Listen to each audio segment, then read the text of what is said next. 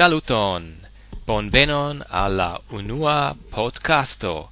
Es podcasto la podcasto en Esperanto. Gioiu au frenesigiu. Do compreneble mi esperas che vi gioias cae frenesicias pro gioio.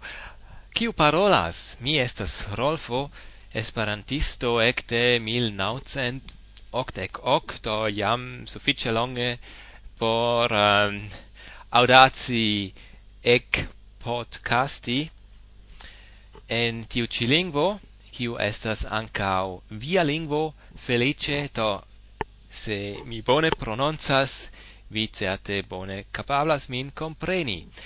Do, yes, kion mi diru ancora, do, tio ci estes nur por min presenti, cae baldau ni daurigas la elsendon, kai do kion mi faras en la elsendo do mi tirus cion ein do tion kajenon kai kaj multe pli.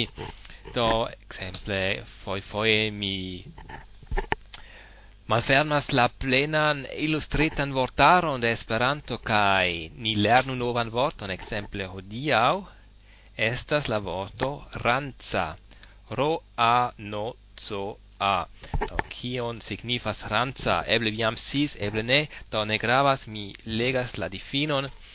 Ricevinta akrain malagrablain odoron kai guston pro comenzo de malcombinigio precipe grassoi exemple ranza butero ranza oleo. La lardo rancigis en la shranco vidu ancau mucida. Do mi nun ne iras alla alia vorto, simple ni lernu hodiau ranza, kai do dio jam sufficias por la unua frenesa es podcasto kai baldau ni daurigas, au daurigos la elsendon. Do joyu au freneziĝu gis revido.